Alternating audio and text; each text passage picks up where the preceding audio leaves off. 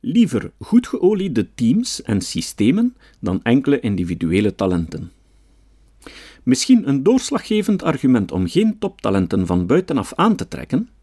Mensen die langer in de baan zitten blijken creatiever en innovatiever te zijn dan talenten die van buitenaf worden aangetrokken. Hulsegger, Anderson en Salgado 2007, Patterson 2002. Onderzoek naar teameffectiviteit toont aan dat ervaring met samenwerken veel belangrijker is dan individueel talent. Dit geldt zowel voor teams die bestaan uit muzikanten, studenten, vliegtuigbemanningen, topmanagers of voor een operatieteam. Hackman 2002. Enkel voor onderzoeksteams, research and development, geldt dit niet. Katz en Allen 1982. Volgens Pfeffer en Sutton 2006 zijn goed geoliede teams en goed ontworpen systemen veel belangrijker dan getalenteerde individuen.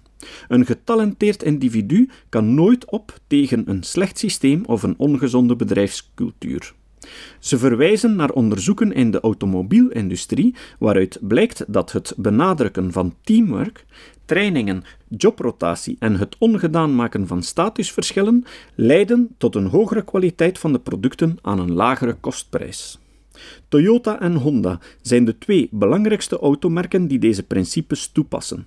En wanneer men kijkt naar markten waarin het sterrendom tot belachelijke proporties wordt opgeblazen, namelijk de investeringsanalisten, dan blijkt dat 46% van de analisten het 20% slechter deden in het jaar nadat ze van werkgever waren veranderd.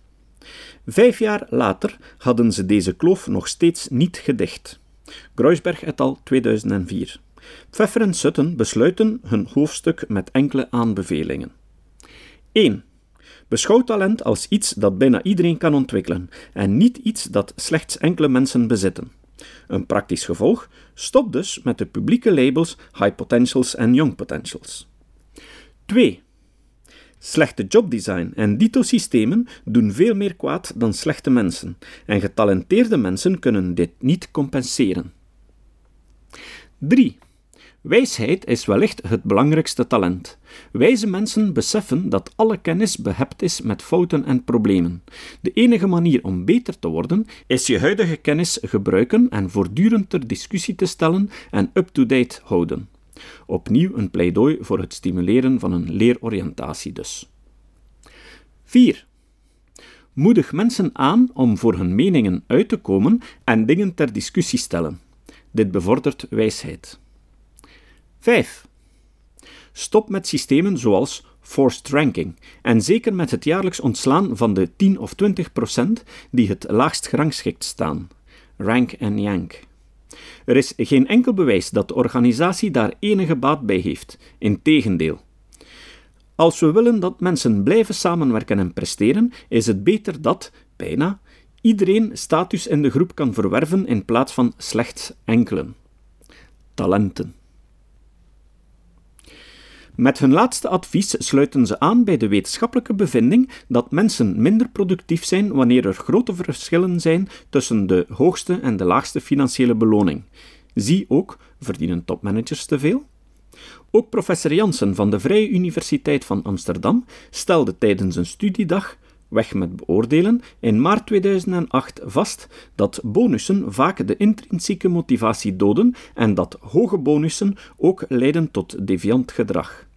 Daarbij denk ik aan het voorbeeld van het bijna faillissement van de Franse bank Société Générale in januari 2008. De fraude door de 31-jarige financiële trader Jérôme Kerville bedroeg zo'n 5 miljard euro. Deze fraude was drie keer zo groot als die in 1995 bij de Britse bank Barings. Die bank ging failliet door de speculatieve handelingen van Nick Leeson. In beide gevallen streefden de traders een persoonlijke verrijking na om grote bonussen op te strijken. Indien Kerville in zijn opzet was geslaagd, zou hij volgens sommige bronnen een bonus van ongeveer 6 miljoen euro hebben verdiend. Hetzelfde verhaal vinden we terug bij topmanagers, zoals die van Enron, Fannie Mae en andere forties.